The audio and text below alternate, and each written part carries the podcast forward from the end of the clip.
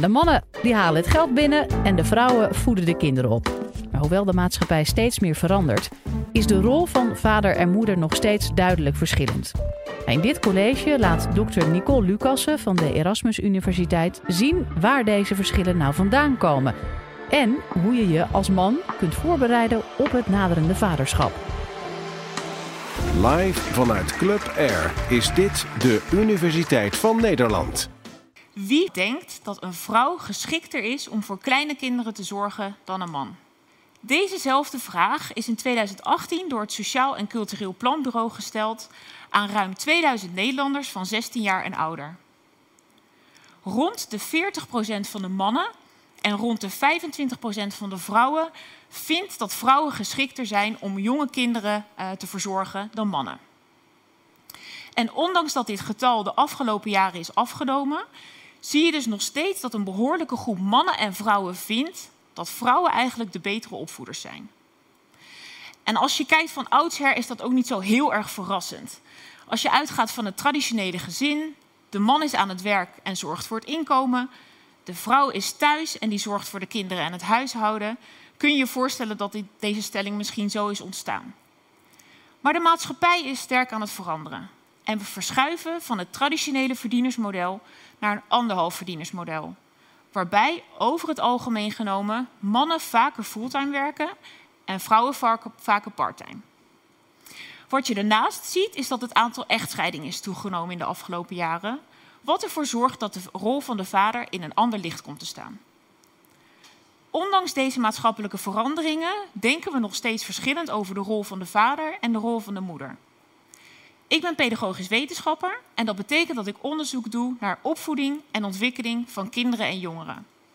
En ik kijk in het bijzonder naar de rol van de vader binnen het gezin. Hoe belangrijk is de rol van de vader voor de ontwikkeling van kinderen? Om deze vraag te kunnen beantwoorden, kijken we naar de directe en indirecte invloeden die een vader kan hebben op het kind. Van oudsher keken we vooral naar de indirecte invloeden van vader. Ik zei net al, vader was aan het werk, moeder was thuis. Vader zorgde voor geld in het laadje en was de ondersteuning van de moeder. En dit is ook een hele belangrijke rol, want geld in het laadje zorgt ervoor dat er eten is, dat er kleding gekocht kan worden, eh, dat er spelletjes en boeken in huis komen, dat een kind op een sportclub kan of op een muziekles kan. Maar waar ik vooral in geïnteresseerd ben, zijn de directe invloeden die een vader kan hebben. Ik kijk daarbij naar de kwaliteit van de relatie tussen vader en kind. Dus ik kijk naar de omgang tussen vader en kind. En om die kwaliteit goed in kaart te brengen, kijk ik naar het sensitieve gedrag van de ouder. Sensitiviteit is het vermogen van de ouder om open te staan voor de signalen van het kind en hier adequaat en snel op te reageren. Als je het hebt over sensitiviteit, kijk je eigenlijk naar twee vragen. Ziet de ouder waar het kind expliciet of impliciet om vraagt? En reageert de ouder op het kind en hoe? Een ouder die hoogsensitief is, geeft het kind de ruimte om de wereld om hem heen te ontdekken. Moedigt het kind aan en helpt het kind waar het nodig is. Een ouder die laagsensitief is, geeft het kind weinig ruimte om de wereld om hem heen te ontdekken.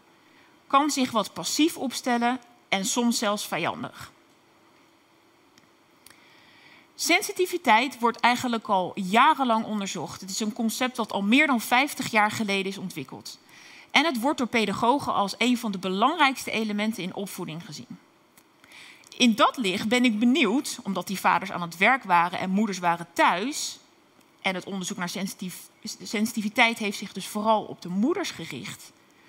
Kunnen vaders nou net zo goed sensitief zijn als moeders? Nou, om antwoord te kunnen geven op deze vraag moeten we eerst weten hoe we sensitiviteit meten. Wat ik het mooie vind aan het concept sensitiviteit is dat het eigenlijk altijd te zien is als ouder en kind bij elkaar zijn.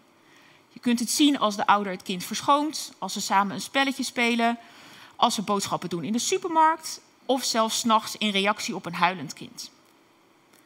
Sensitiviteit is al direct na de geboorte belangrijk en blijft ook belangrijk gedurende de gehele ontwikkeling van het kind. En natuurlijk reageer je anders op een huilende baby dan op een dwarse tiener.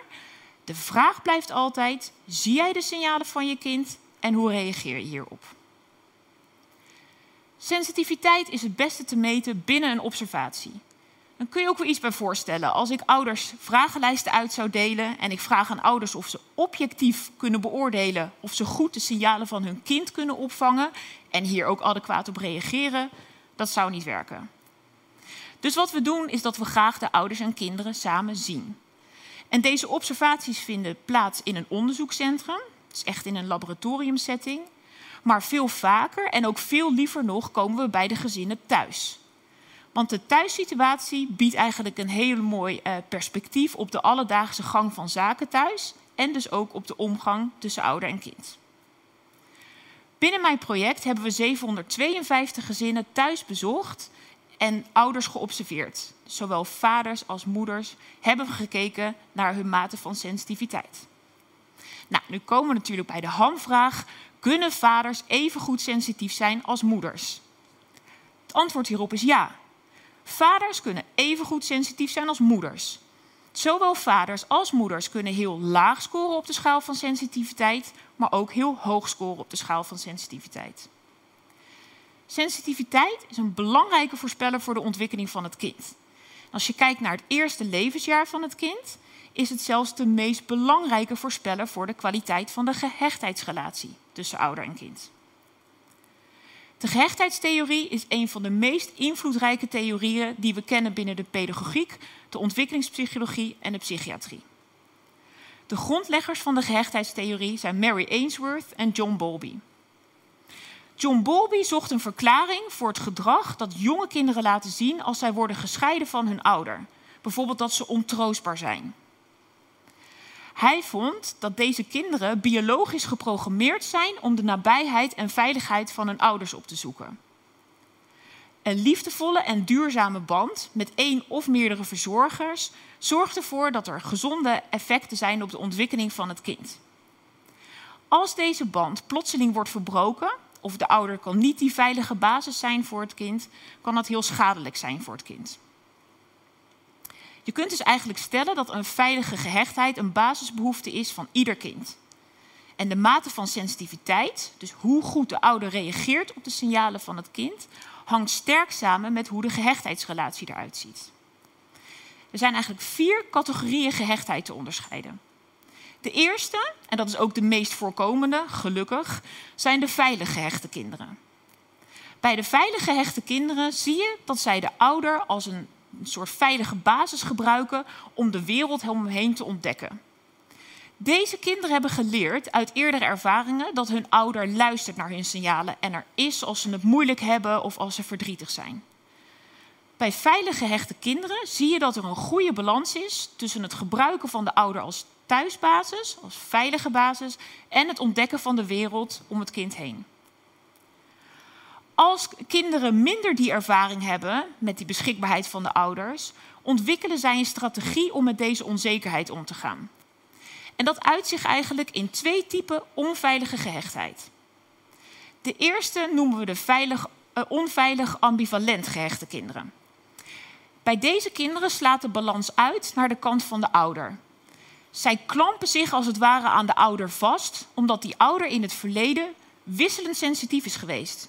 Ze konden de ene keer een hele sensitieve reactie geven en de volgende keer waren ze weer niet beschikbaar voor het kind.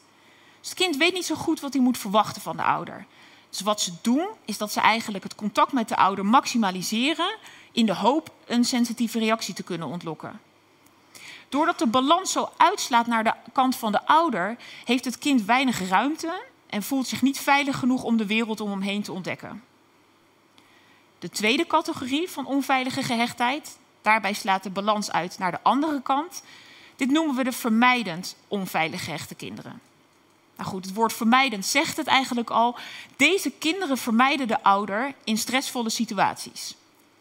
Zij hebben geleerd, door de sensitiviteit van een ouder, dat die ouder niet beschikbaar is als zij verdrietig zijn of het moeilijk hebben of heel erg moe zijn. Dus ja, toenadering zoeken tot de ouder heeft niet zoveel zin. Dan is er nog een laatste categorie. En die noemen we de gedesorganiseerd gehechte kinderen. Wordt ook wel de meest onveilige vorm van gehechtheid genoemd.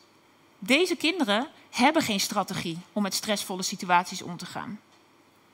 Deze kinderen hebben vaak te maken gehad met ouders die onberekenbaar waren, onvoorspelbaar waren.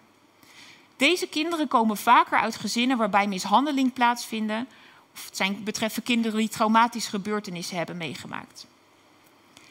Dat deze kinderen geen strategie hebben ontwikkeld, laten zij extreem angstig of heel tegenstrijdig gedrag, uh, gedrag zien tijdens stressvolle situaties.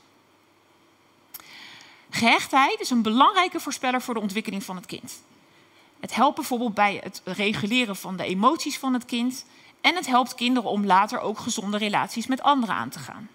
Hierbij is ook eigenlijk weer de vraag: kunnen vaders ook een gehechtheidsfiguur zijn? Kunnen zij ook die veilige basis bieden aan kinderen? Nou, uit de beginwerken van John Bowlby, een van de grondleggers van de gehechtheidstheorie, bleek eigenlijk dat hij vader meer als een indirecte rol zag. Vader was de ondersteuning van de moeder en het kind ging primair de gehechtheidsrelatie aan met de moeder. Maar al snel bleek uit verschillende onderzoeken naar vaders en kinderen dat kinderen ook een gehechtheidsrelatie met de vader kunnen aangaan. En sterker nog, kinderen kunnen even vaak een veilige gehechtheidsrelatie aangaan met de vader als met de moeder. Oké, dus tot nu toe weten we dat zowel vaders als moeders kunnen sensitief zijn voor het kind. Kinderen hechten zich even vaak veilig aan de moeder als aan de vader. Is er dan helemaal niets verschillend in de manier waarop moeders en vaders kinderen opvoeden? Ja, er zijn zeker wel aanwijzingen dat vaders meer rough and tumble play gebruiken. Dus dat zij fysiek wilder zijn in het spel met hun kind. En dat zij vaker stoeien met het kind. Er wordt ook wel verondersteld dat vaders wat meer hun kinderen uh, uitdagen, uh, meer risico's laten nemen en meer de grenzen van het kind laten opzoeken. De vaders zouden hierbij een brug naar de buitenwereld vormen. Nou, op dit moment zijn verschillende onderzoeken, onder andere aan de Erasmus Universiteit Rotterdam, bezig met de vraag: voeden ouders nou zo verschillend op? Is er iets wat specifiek is aan de rol van de vader en aan de rol van de moeder? Of zijn ze uiteindelijk veel meer even overeenkomstig dan dat we nu denken?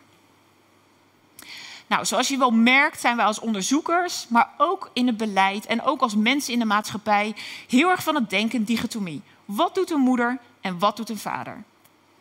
Wat we niet moeten vergeten is dat verreweg de meeste kinderen opgroeien met een moeder en vader in datzelfde gezin. Dus dat kind krijgt invloeden van zowel de moeder als de vader in dezelfde context. Nou, om die invloeden van moeder en vader in dezelfde context te kunnen onderzoeken, maak ik gebruik van de gezinssysteemtheorie. Nou, het is jullie inmiddels wel duidelijk dat ik vooral naar moeders en vader kijk, maar de gezinssysteemtheorie is veel breder inzetbaar bij verschillende gezinsvormen. Je kan het ook gebruiken bij opvoeding door twee moeders of opvoeding door twee vaders. Zelfs bij alleenstaande moeders die worden uh, geholpen door een grootmoeder bijvoorbeeld. En om het iets meer concreet te maken, wil ik jullie vertellen hoe dat eruit ziet. Als we uitgaan van een heteroseksueel paar na de geboorte van het eerste kind, hebben we drie individuele subsystemen binnen het gezin: die van moeder, die van vader en die van kind. Dat is duidelijk. Vervolgens hebben we drie dyadische subsystemen. En dyadisch betekent tussen twee mensen. Het dyadische subsysteem tussen moeder en vader was er al voor de geboorte. En na de geboorte komt daarbij de moeder-kindrelatie en de vader-kindrelatie. En daar hebben we het net ook al over gehad, dat beide belangrijk zijn voor het kind. Waar we echter nog niet zoveel over weten, is de driehoeksrelatie van moeder, vader en kind. Hoe goed ouders samenwerken in de opvoeding heeft invloed op hoe het kind zich ontwikkelt. En hoe die samenwerking uh, in de opvoeding gaat, is eigenlijk op te sommen aan de hand van een aantal factoren die daarbij een rol spelen. Allereerst overeenstemming. Ben je het als ouders met elkaar eens over hoe je het kind wil opvoeden? Als we uitgaan van een baby, stel je hebt een huilende baby, wat doe je daarmee? Pak je het op, laat je het liggen, maak je een combinatie ervan. Ben je het er samen over eens hoe je dit aanpakt?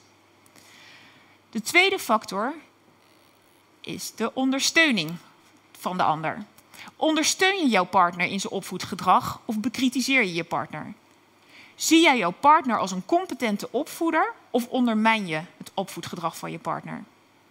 En de laatste categorie noemen we het management van het samen opvoeden. En dat draait eigenlijk om wie doet wat en krijgen beide ouders de ruimte om tijd door te brengen met het kind. Wat zien we nou? Als ouders een positieve samenwerking hebben, dus elkaar ondersteunen, elkaar niet bekritiseren en elkaar de ruimte geven om tijd door te brengen met het kind, heeft dat een positieve uitwerking op de ontwikkeling van het kind. Daarnaast heeft het een zeer positieve uitwerking op de betrokkenheid van vaders. Als vaders de ruimte krijgen om zelf door te, uh, tijd door te brengen met het kind, en als zij zich ondersteund voelen door moeder, maar liever nog aangemoedigd voelen door moeder, is hun betrokkenheid groter.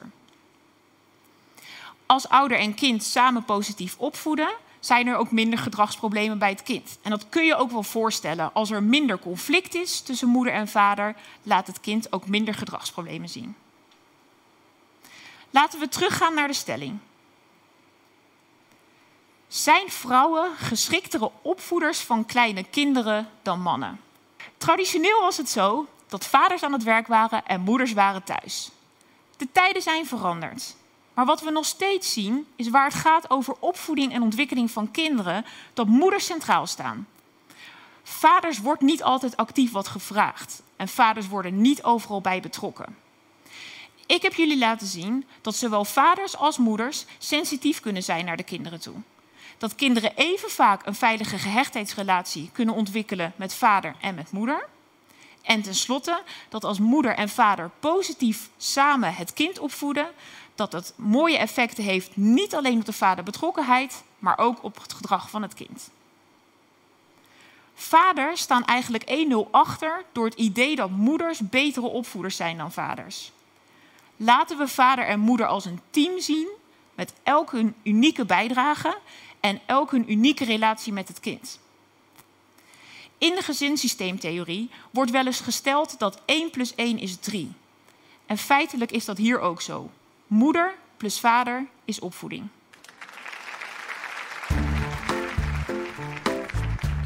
Heeft deze podcast je nou geprikkeld om meer te weten te komen over de wetenschappelijke wereld? Maak je borst dan maar nat, want de Universiteit van Nederland komt met een nieuwe podcast genaamd Lableven. Deze zomer reizen we door heel het land om 14 unieke laboratoria van 14 verschillende universiteiten te bezoeken. Iedere woensdag hoor je de ins en outs van wat er speelt in het lab. Maar ook wie de wetenschapper achter het onderzoek is. Want wetenschappers zijn tenslotte ook maar gewoon mensen. We luisteren nu onze nieuwe podcast Lableven.